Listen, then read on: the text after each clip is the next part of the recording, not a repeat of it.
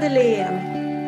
Hej Sofia och välkomna tillbaka till podden Calcito Mirakel. Ja, varmt välkomna. En ny vecka. Hur mår du? Jag mår jättebra. Nu börjar jag få koll på läget här i nya stationshuset. På onsdagen, då har jag stängt. Då är det ingen Ja. annan personal här. Då är det bara jag. Mm. Som får Då tänka. kan du mysa. Ja, jag älskar att ha folk här. Men det är också så här att jobba en hel dag helt fritt. Mm. Alltså där det inte är någon. Då, mm, ja, man får väldigt mycket gjort. Jag förstår det. Jag Vi kanske ska. Puffa den- lite. Puffa lite för det här nya konceptet med att man kan boka personlig eh, vägledning i butiken tycker jag. Ja, det finns på Boka Direkt nu. Antingen får man komma hit, alltså måndag, tisdag, onsdag har ju vi stängt. Mm. För att vi ska jag jobba med ordrarna och webbshop och hinna med en massa sådana backoffice-grejer.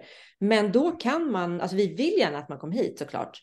Eh, Mm. Men bara att vi kan boka en tid så vi vet när det händer. Så då kan man Precis. boka Direkt, det är helt gratis. Och boka det och online såklart.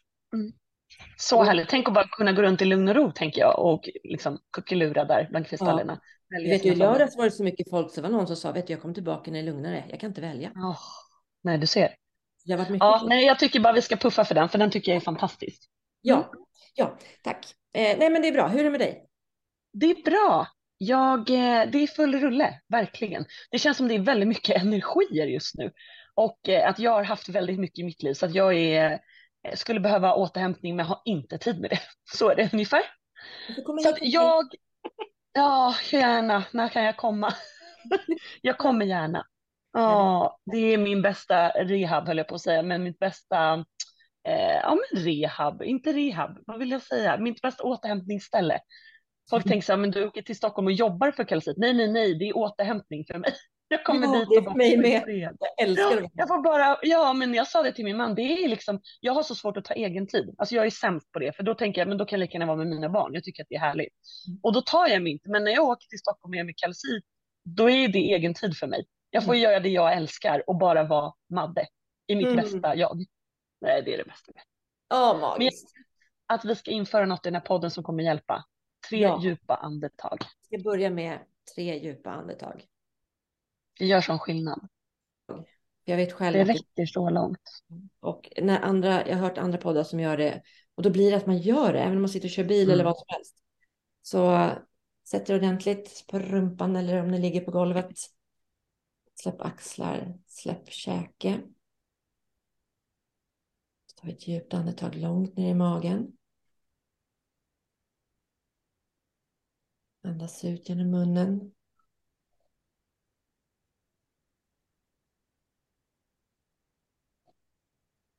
Andas in genom näsan, djupt ner i magen.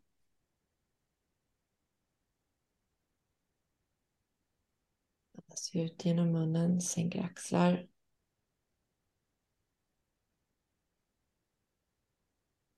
Andas in genom näsan en sista gång. Släpp käke. Andas ut.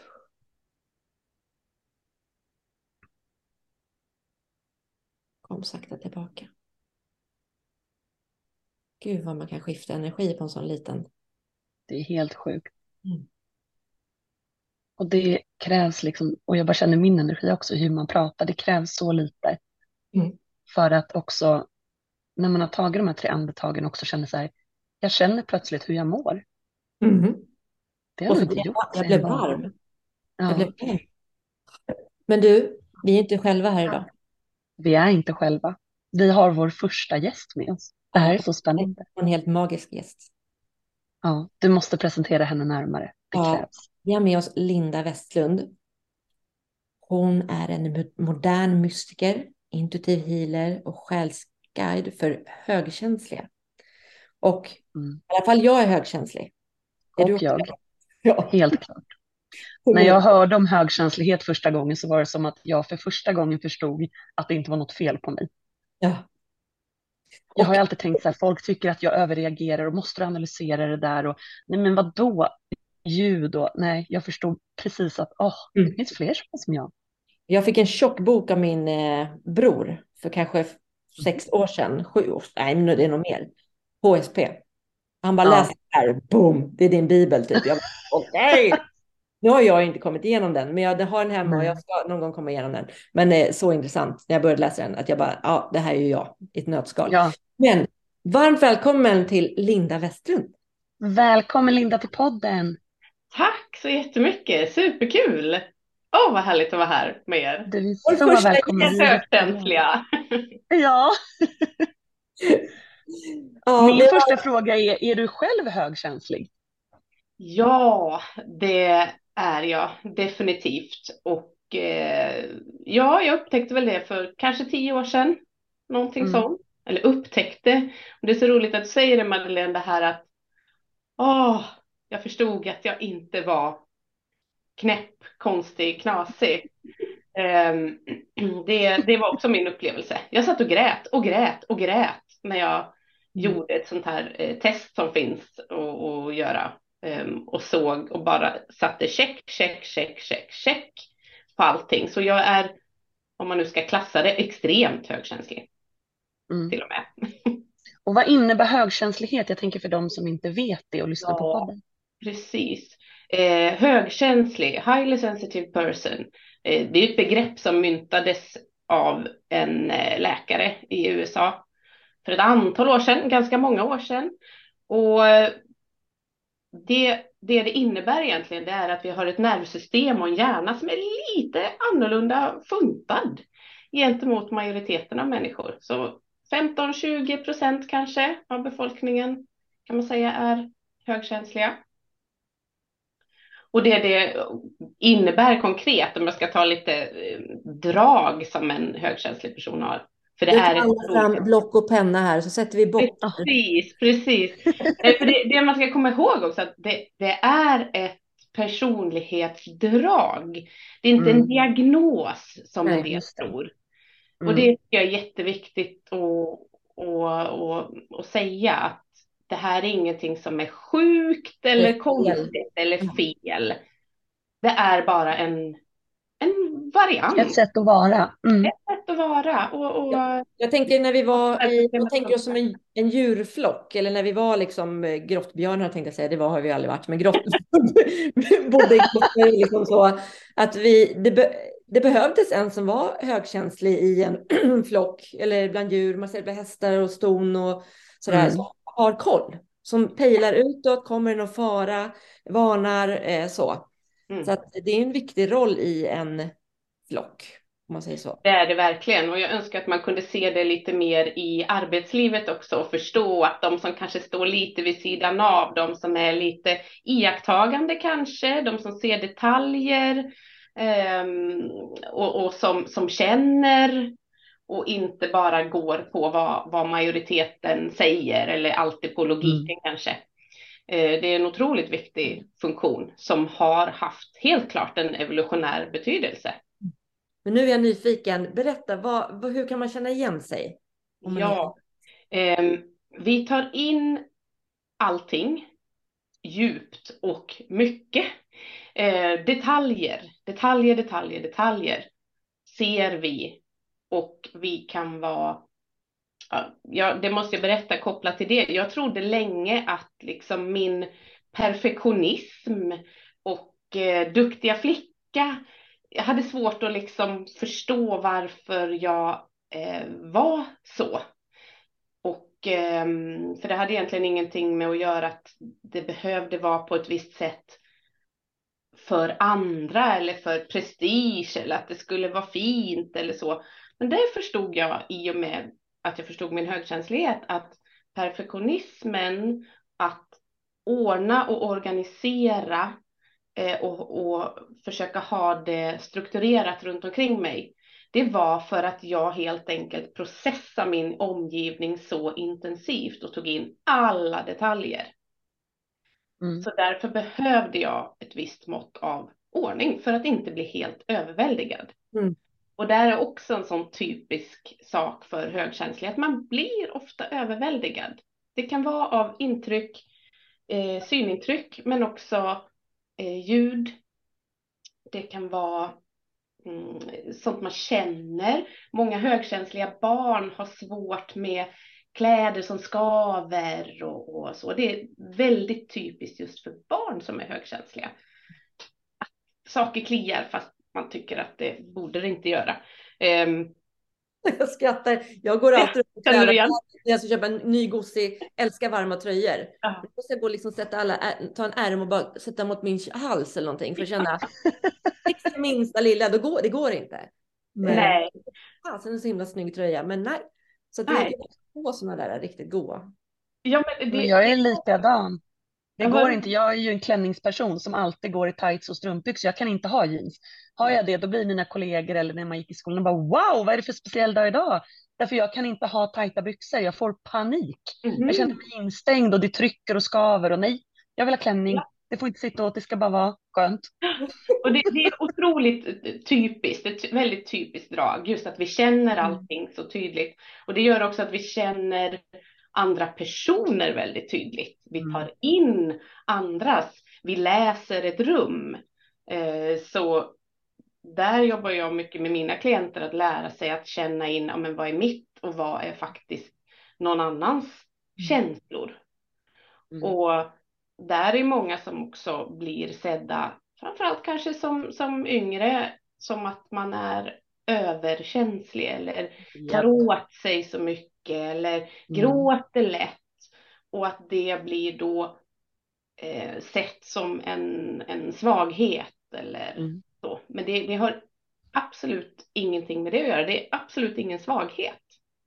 Men det var nog så jag kände när jag fick den här högkänsligheten eller när jag förstod att det var det. Eh, de har ju skojat i min familj hela min uppväxt om att jag är den lilla harkranken som är rädd för allt och orolig själ. Och går man från en middag så kan jag vara så här, gud märkte ni att de måste ha tjafsat innan eller att hon var jätteledsen och alla andra i sällskapet, va?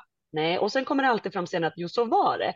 För att jag läser in saker som ingen annan har sett.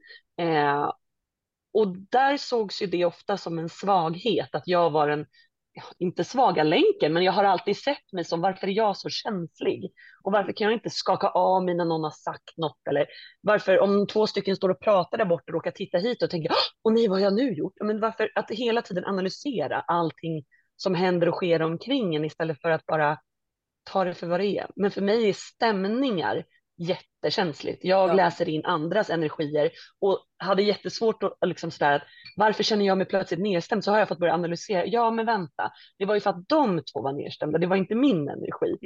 Och det var en lärdom att lära sig, precis som du beskriver Linda, vad är min energi och vad är någon annans? Och hur kan jag göra för att spara på min och inte ta åt mig av andras? Ja, för det är otroligt lätt att tro att, att det är en själv det är fel på. Men man kan ju absolut säga att, att samhället är ju inte speciellt eh, snällt mot högkänsliga. Det är liksom inte skapt för det. Ehm, och en sak med högkänslighet är att vi oftast behöver mer återhämtning. Mm. Och pauser och um, kanske behöver sova mer, kanske behöver återhämta oss mer efter eh, sociala grejer. Och det är ju inte alltid så lätt i hur samhället är uppbyggt. Nej. Jag tror att det, jag, jag, ser ju bland mina vänner och så som entreprenörer, de, där är väldigt många högkänsliga för att man helt enkelt har svårt att, att passa in i det arbetsliv som är idag. Mm. Så det, mm. ja, det är intressant. Men nu pratar vi lite om, om, om det som kanske känns jobbigt. Men jag vill också verkligen lyfta att det finns så otroligt mycket fördelar. Som du säger det här att, att vi behövs för att kunna pejla och faktiskt plocka upp saker som är mellan raderna. Och jag tror att väldigt många coacher och terapeuter och healers är högkänsliga vare sig man vet om det eller inte. För jag skulle aldrig liksom kunna möta mina klienter på det sättet och med, den, med det djupet om inte jag själv var högkänslig. Nej, verkligen. Många, och jag tänker också att det ger en medkänsla, en medkänsla för andra människor och ja. att man får en annan förståelse. Eh, att man ofta kanske hinner bry sig om sina medmänniskor innan det är uttalat att Eh, någon ropar på hjälp eller att någonting är fel. Eh, att man liksom lite som du säger, det här läsa mellan raderna-grejen, den kan ju kännas jobbig i vissa situationer, men också en stor fördel i att man kan få vara en extra fin medmänniska till någon där man ser att det kanske är lite tufft. Mm, precis. Och sen har vi ofta eh, kreativa sidor. Och vi kan uppskatta saker på djupet också. Allt från att liksom fascineras av kanske konst eller musik. Eh, att på djupet bli berörd också. Och det är också någonting alldeles magiskt och fantastiskt om man väljer att se det. Ja. Men gud vad, ja, jag undrar om våra lyssnare känner igen sig på några punkter. Men just det där att ta in, ta in andras energi. Jag hörde, jag tror det var Knutas, Anders Knutas som har sagt att det här, att ställa, frågan så här, är det, att ställa sig frågan när man känner obehag i kroppen, är det här mitt? Mm. Mm. Bara det kan göra att det släpper. Och sen kan det vara, är det här mitt energimässigt från andra dimensioner eller om det är i ett rum med andra människor. Men att man kan ställa sig den frågan när som helst när man känner att så här, nu känner inte jag mig i balans riktigt. Mm. Vad hände?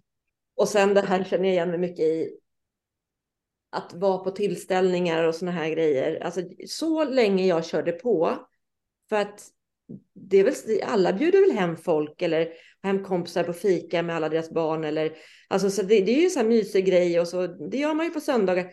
Men du vet, jag, jag pratade baklänges. Jag var helt jag blev, jag, jag, var, jag blev så dränerad så att jag kunde inte prata. Mm. Eh, och innan jag liksom så här, men det är ju helt okej okay att vi tar det lugnt liksom. Men alltså för jag klarar inte den sociala, alltså det är en liten stund. Mm. För jag var ju liksom energimässigt bakis. Exakt vad jag ska Ja. säga, det blir en social bakiskänsla. Ja, eh, och, det, och det blev inte värt det för mig. Nej. Eh, så Där att, kan det ju ibland vara jobbigt om man har människor runt omkring sig som, som inte är högkänsliga och som kanske inte förstår det. Det handlar ju inte om, Så. även om jag träffar mina bästa vänner så har jag en idag koll på var min maxgräns är i det var en tid. slottid där. Du kan... Jag har en slottid och jag, jag överstiger inte den idag. Utan det, det är det där med att, att lämna när man är på topp. Lite så Mm. jobbar jag innan liksom energin börjar dala. För då vet jag att då, annars behöver jag ordentligt med återhämtning sen. Mm. Och då är jag ändå en ganska, en relativt extrovert person. Det ska man också komma ihåg att bara för att man är högkänslig betyder inte att man behöver vara introvert. Även om, ja, man säger cirka 70 procent av högkänsliga är introverta. Men det Mm. kan lika gärna vara så att man är extrovert. Där kan det också vara svårt. Jag har en son som är en extrovert eh, högkänslig. Och där förstår inte alla alltid att han är högkänslig. Mm. För att han verkar så framåt. Mm. Och då tänker man inte på hur mycket han känner och hur mycket han tar in. Jag Mm. handen där också på den. Ja, Jag med. ja. Och det är därför jag tycker att det har varit så svårt att, att hamna i det facket, för att man tänker att man ses som en social och framåt person. Alltid styrt liksom- upp kräftskivor, fixat. Ja, exakt, hade stora kompisar, kompisgäng, var ute, träffade folk. För mig var det inte förrän jag fick barn, för då kände jag så här, gud nu har jag en ursäkt att inte göra allt det där. Mm. Jag får vara hemma, lite att jag kan säga, nej men du vet, barnen och det är lite mer, och jag kände så här, åh gud vad skönt. Mm. För att jag behöver inte bli så där trött och dränerad och det, det är okej att vara så här. Det är okej att vara så här och även om inte alla andra förstår det. Men det är en, det är en process och det är, vet man inte att man är högkänslig, har man inget stöd i det, då kan det vara sjukt tufft. Men där har Ja, jag en bara en sån här grej med ljud tycker jag är Eh, jätte, ja, ja, märker jätteskillnad. Jag jobbar ju med väldigt mycket ljud hela dagarna omkring mig och när jag kom hem då vill jag inte ha musik när vi äter middag eller ljud eller medan min man är så här, åh ska vi lyssna på musik till maten? För mig det finns inget värre. Eller bara fläkten står kvar på i köket när vi har lagat mat, jag kan inte äta. Medan de andra i familjen förstår inte vad jag pratar om för de hör inte fläkten. Men de säger, hur kan den störa dig? Jo men den låter ju, hör ni inte hur den susar? Det är sådana där ljud som andra inte hör som bara äter upp ens hjärna. Du hade en fråga Sofia. Ja, alltså eh, just med barn, hur stöttar man dem i eh, just det här att överkänslighet blir ofta liksom att det går in i stress, känner Mm. jag. Eh, och, och det leder till att de blir eh, arga ledsna, alltså för att ja, det blir för mycket intryck och de blir stressade och de blir ledsna. Och det här du sa, liksom att, man, eh, att man gråter mycket och så där, att man är högkänslig och så. Men hur som förälder stöttar man ett barn i som kanske till exempel då när han blir stressad börjar gråta i frustration eller något sånt där. Eh, finns det några speciella sätt, tankesätt och hur man kan komma runt eh, att ge dem Ja. en bra uppväxt trots att Ja, de men precis. Jag skulle säga att det alltid går tillbaka till oss själva i första läget. För du kan inte, du kan inte fejka, du kan inte ljuga för ett högkänsligt barn. Så att försöka släta över eller säga så ja, så ja, det blir nog bra. Det är det värsta man kan göra skulle jag säga. Utan våga vara närvarande. Våga också gå in i och känna hur kan jag grunda mig själv? Hur kan jag landa i det här som kanske är jättejobbigt för mig själv som högkänslig också? För där är ju också ett väldigt speciellt samspel högkänslig förälder till högkänsligt barn. Mm. Så jag brukar tänka hur kan jag, hur kan jag lindra min egen stress så att jag utstrålar det här lugnet och bara är närvarande. Mm. Mm. Sen finns det ju såklart om barnet är mottaglig för det, att man kan jobba med andningsövningar här, bara till exempel att som vi gjorde här i början, att ta tre djupa andetag. Ehm, Jag har periodvis så har mina barn haft eh, eteriska oljor som de har haft i, i sitt rum, lavendel och, och sådana oljor som, som lugnar där det där sker på ett helt omedvetet plan. Mm. Allting som kan hjälpa till att balansera nervsystemet. Mm. Och ibland kanske det är att ta en promenad eller ta ett bad eller Om det är liksom en situation där det just nu, liksom man bara, istället, man har lust att säga bara, men slut, alltså, sluta vara sur nu och arg, utan nu, Då räcker det. nu räcker ja, du vet, så man bara, ah, det blir alltid så här i olika situationer. ja. Hur, men det har ju med stressen att göra. Eh, Ja. Och där skulle jag säga, i- just där och då, så lågaffektivt bemötande Ja. som möjligt, tänker jag. Mm. Att, Jag tänker också att det kanske måste få vara okej att känna. För jag tänker Ja. att om vi uppfostrar våra högkänsliga barn i att det är okej att vara högkänslig. Mm. Jag ser att du är jätteledsen och även om jag inte förstår så är det helt okej. Man Mm. får vara ledsen fast ingen annan förstår. Det är Mm. bara du som bestämmer det. Vill du ha en kram? Och Mm. sen tillåta, ge tid till att få vara ledsen. Sen har man kanske inte alltid det när klockan är tio, åtta och skolan börjar klockan åtta. Mm. Så är det ju också. Mm. Men att låta dem känna det de känner. För det vet jag med min egen uppväxt att det som var jobbigast var att ingen förstod. Att folk tyckte att så här, det där är väl inget att vara ledsen över. Jo, fast jag tycker ju det. För, för mig är det här 100% på allvar. Mm. Att låta dem vara i känslan. Att inte, att inte stressa ifrån den. För det är det vi ofta gör. Att vi liksom försöker släta över. Att, och också Mm. att det ofta ses som något fult att vara ledsen och högkänslig och känslig. Mm. Att vi ska, det är inte farligt att vara ledsen. Ofta när barn är ledsna så ska vi göra allt för att de ska bli glada igen. Mm. Ja, eller så får vi bara lära dem att ledsen är också en känsla. Och den är Mm. helt okej, den går över. Men nu är den här och då är vi där tillsammans. Mm. Ja, helt sant. Även om det inte alltid är så lätt när man står i situationen.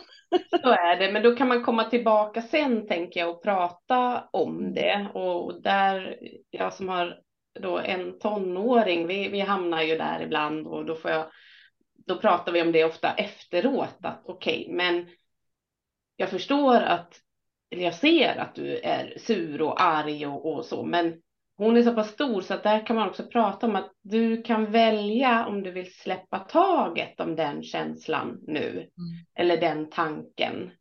Det styr du själv så att man ger dem också en viss makt att det är Mm, okej att väger med. känna. Men se det som en våg. Det är någonting som kommer och går. det där tar jag med mig, tack. Ja. Mm, det var bra sagt. Ja. Och den jobbar jag mycket med mina högkänsliga vuxna klienter också. Mm. Att det, det är okej, men det, det är bara en våg. Det, det är inget mer. Visst, Låt det skölja igenom. Mm. Mm. This too shall pass, absolut. Det var fint. Ehm, att få, ja men det kan också vara en sak att upprepa för sig själv. Tror du mm. Linda att eh, diagnoser och högkänslighet är, går in i varandra? Alltså att det egentligen är högkänslighet som eh, man behöver bara liksom, ja, som man själv har lärt sig leva på ett annat sätt för att spara sin energi och så. Att det kan vara eh, ofta att man bara placerar in i fack för diagnoser istället på ett barn till exempel. Det tror jag är väldigt vanligt faktiskt. Ja.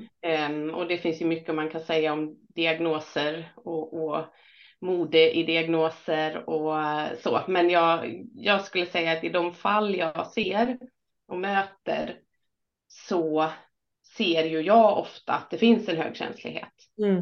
Mm. Och ibland kanske det är en diagnos också eller inte. Mm. mm. mm. Jag tänker Linda, dina vuxna kunder som kommer till dig, vilken, vad vill de oftast ha hjälp med? Vad är det de står i som är det som de söker sig till dig för? Det är ofta att de ehm, är stressade, kanske på gränsen till eh, att bli utmattade, utbrända. Ofta mitt i livet kvinnan som undrar, jaha, var det här allt? Var det inte mer än så? Nu har jag gjort det här, nu har jag, nu har jag utbildningen, jobbet, barnen eh, och jag är tom. Mm. Eller att man har till exempel långvarig värk eller eh, känner sig nere men inte riktigt har fått hjälp eller kommit en bit på väg genom till exempel samtalsterapi men att det sen liksom inte riktigt släpper.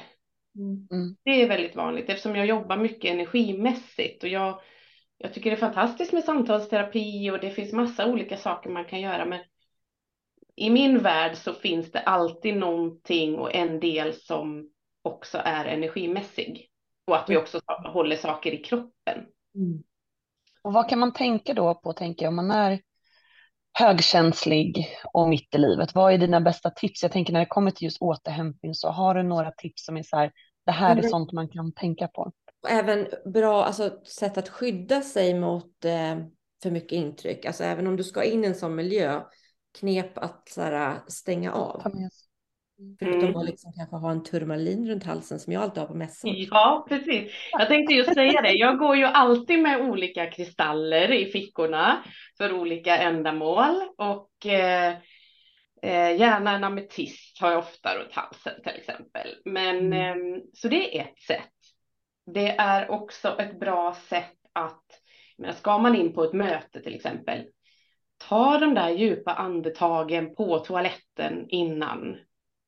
Eh, har du eteriska oljor, dofta på dem. Också ett sätt att tagga ner. Jag tänker ju då som är friskvårdspedagog i botten och har lärt mig ganska mycket kring nervsystem och så. Att jag tänker hela tiden, hur kan jag minska stressen? Hur kan jag lugna nervsystemet? Mm. Mm. Det, det, är det jag återkommer till hela, hela, hela tiden. För då blir jag mer balanserad. Och andningen är ju helt fantastisk. Mm. Om man hittar den. Det är inte alla som, det är långt ifrån alla som kan andas. Jag skulle säga att merparten inte kan andas på ett optimalt sätt. Nej, det är också. Jag minns när jag var inne i min stressiga period innan jag bytte väg i livet. Mm. Att första gången jag djupandades det var när jag borstade tänderna på kvällen. Jag var gud, det är första gången jag andas i, i, nu. Mm. Och då, ja herregud. Men nu, ja, nu, nu har det blivit mer som att, man, att jag är sugen på choklad så kan jag bli sugen på att andas en stund. Det är ganska skönt att hitta in i det. Eh, det var så jag kände i början av podden här när jag så här, när vi tog tre djupa andetag och jag insåg, gud, hur mår jag idag? Jag mm. har inte liksom känt mig på hela dagen. Mm. Jag har gått på autopilot och sen när man helt plötsligt fick connecta tillbaka till sig själv, då bara, hej, hur mår du idag? Mm. Man vaknar, sätter på sig kläderna och sen kör man. Det är så mm. lätt att glömma bort. Mm. Det är det. Nej, men så jag skulle säga kristaller toppen, eteriska oljor toppen, andas mm. toppen. Det är sådana enkla saker. Sen när man har kommit, om man har kommit en bit på väg, liksom, då kan man ju också jobba med, som jag gör, med, med reflekterande skrivande och intuitivt skrivande och ställa den där frågan, hur mår jag idag? mm. och låta handen röra sig och pennan få flöda och se vad kommer fram där när jag kommer bortom det jag tror att jag behöver vara, det jag tror att jag behöver göra, det som samhället lägger på mig. Vem är jag då? Mm. Fint. Det där, ja, vi, har, vi har fler poddavsnitt vi vill ha med dig Linda, för du kan... Helt klart. Ja, så här, jag, jag har ju varit... Jag eh, tvingades väl att eh, jobba med mig själv för... När jag var 19 ungefär, då började jag titta på hur jag kände och varför jag kände eh, när jag var otroligt deprimerad mm. och eh, stod och funderade på om jag skulle fortsätta leva eller inte. Oj. Så sen dess har jag varit på den här banan och utforskat massor av verktyg och vägar och um... mm. Får jag fråga hur gammal är du idag? I 47 är jag.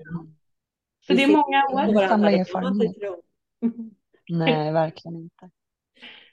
Ja, det, då är det en lång, lång resa eller du har bakom, alltså att du har samlat på dig mycket, mycket erfarenhet och kunskap. Och... Det har jag, både, både på, på, på klassiskt sätt med pluggande inom högskola och, och universitet och andra typer av, av kurser.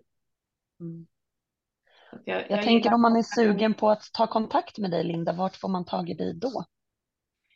Bäst får man det via Facebook, Linda Westlund Empowerment.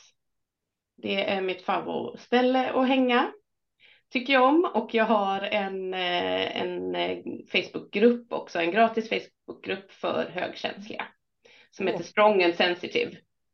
Soul Empowerment for Highly Sensitive. Och den är, på, den är på engelska. Jag har både svenska och internationella mm. Eh, klienter. Men sen har jag hört ryktas om också att du ska liksom, det är något ställe som heter Kalsit som har flyttat. Precis! Det är ju så härligt. Det var ju så underbart så att för det. känna att man, åh, nu, nu kan man göra saker mer eh, live. Men som högkänslig då, så är det otroligt viktigt för mig att vara på ett ställe och i en miljö som är mjuk, hållande, inbjudande och högfrekvent. Och nu blir jag alldeles tårögd när jag pratar om det. För Kalsin är ett sånt ställe och det känns i hela huset och det känns hela vägen även ut på Facebook och Instagram. Um, Vad jag blir glad. Att jag så kan... det, det är en, en miljö, vi behöver stödjande miljöer och det är en sån miljö som kan hjälpa oss att växa. Så jag kommer ju också vara Ehm, på den fantastiska övervåningen på Kalsit och hålla diverse workshops och kurser och så. Mm, och vi är så som, glada för det.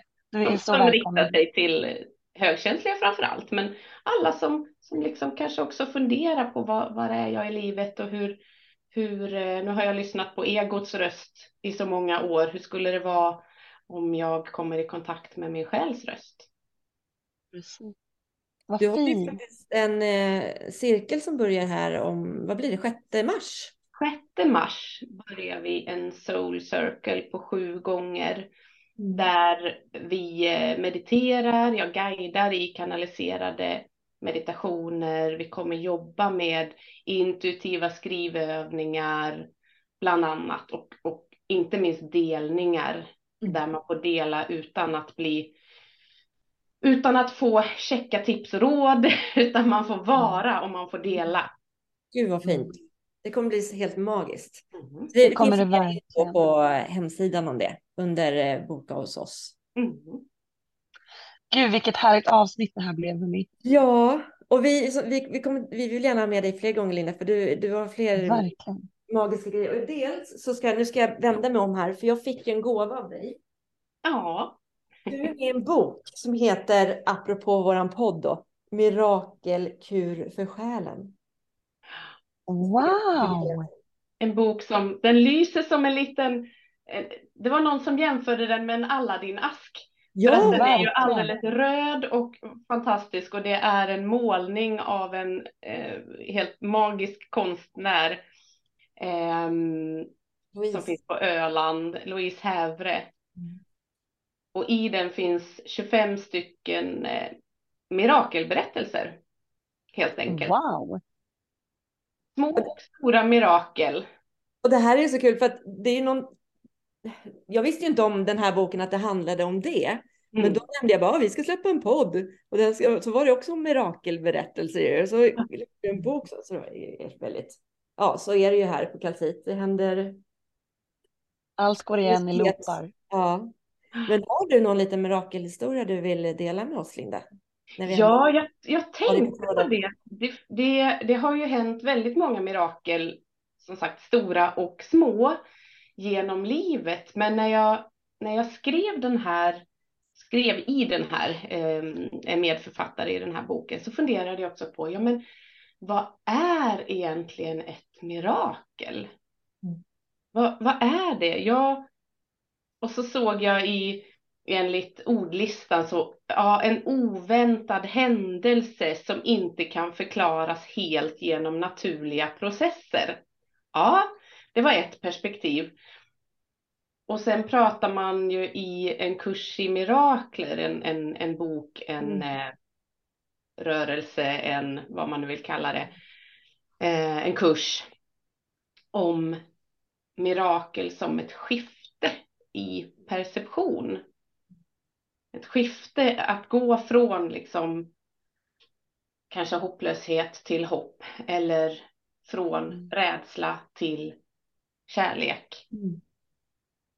Och där i ligger ju det stora miraklet, tycker jag.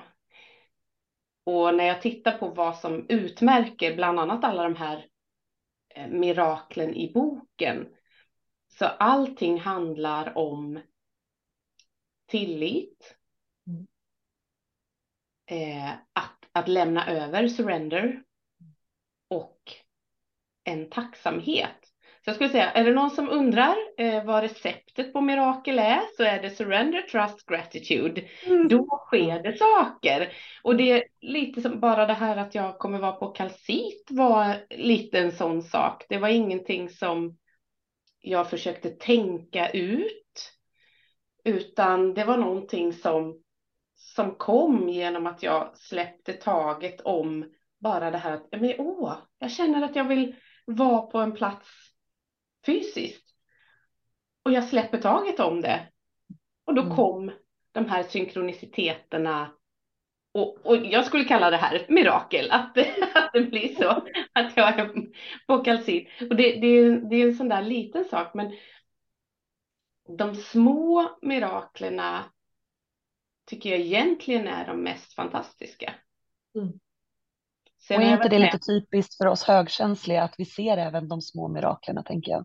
Vi gör det. Eh, mm. I alla fall när man kan grunda sig och, och landa lite.